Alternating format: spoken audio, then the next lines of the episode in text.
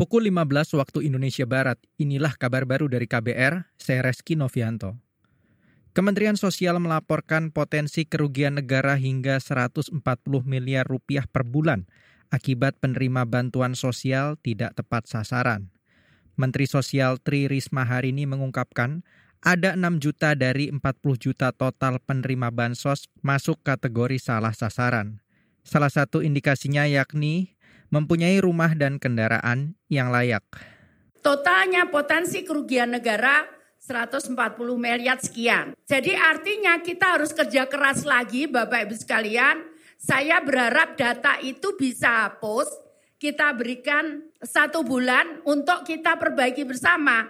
Sekali lagi, saya hanya mengesahkan usulan Bapak Ibu sekalian. Saya punya sebetulnya datanya misalkan daerah ini berapa ASN-nya, berapa yang di atas UMK-nya, itu kami punya.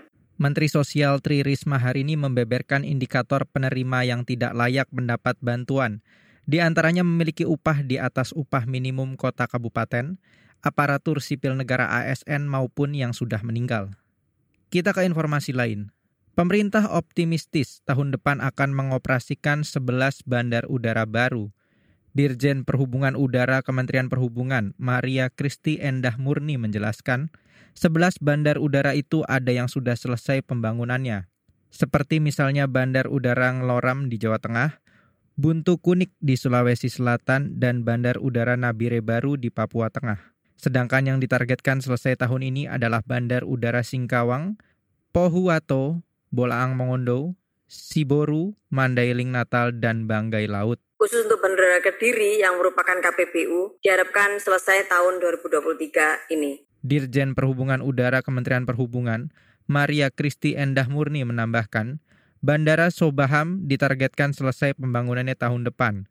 Anggaran konstruksi bandara di Papua ini 100 miliar rupiah. Kementerian Perhubungan saat ini juga tengah mempercepat pembangunan bandara VVIP di IKN Nusantara.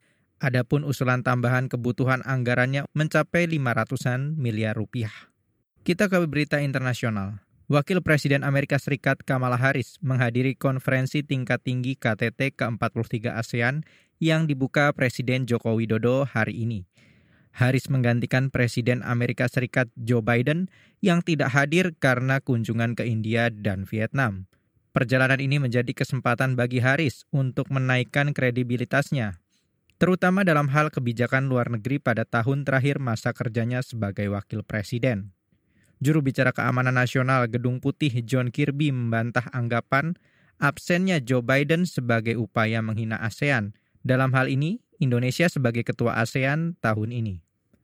Pukul 15 waktu Indonesia Barat, inilah kabar baru dari KBR, saya Reski Novianto.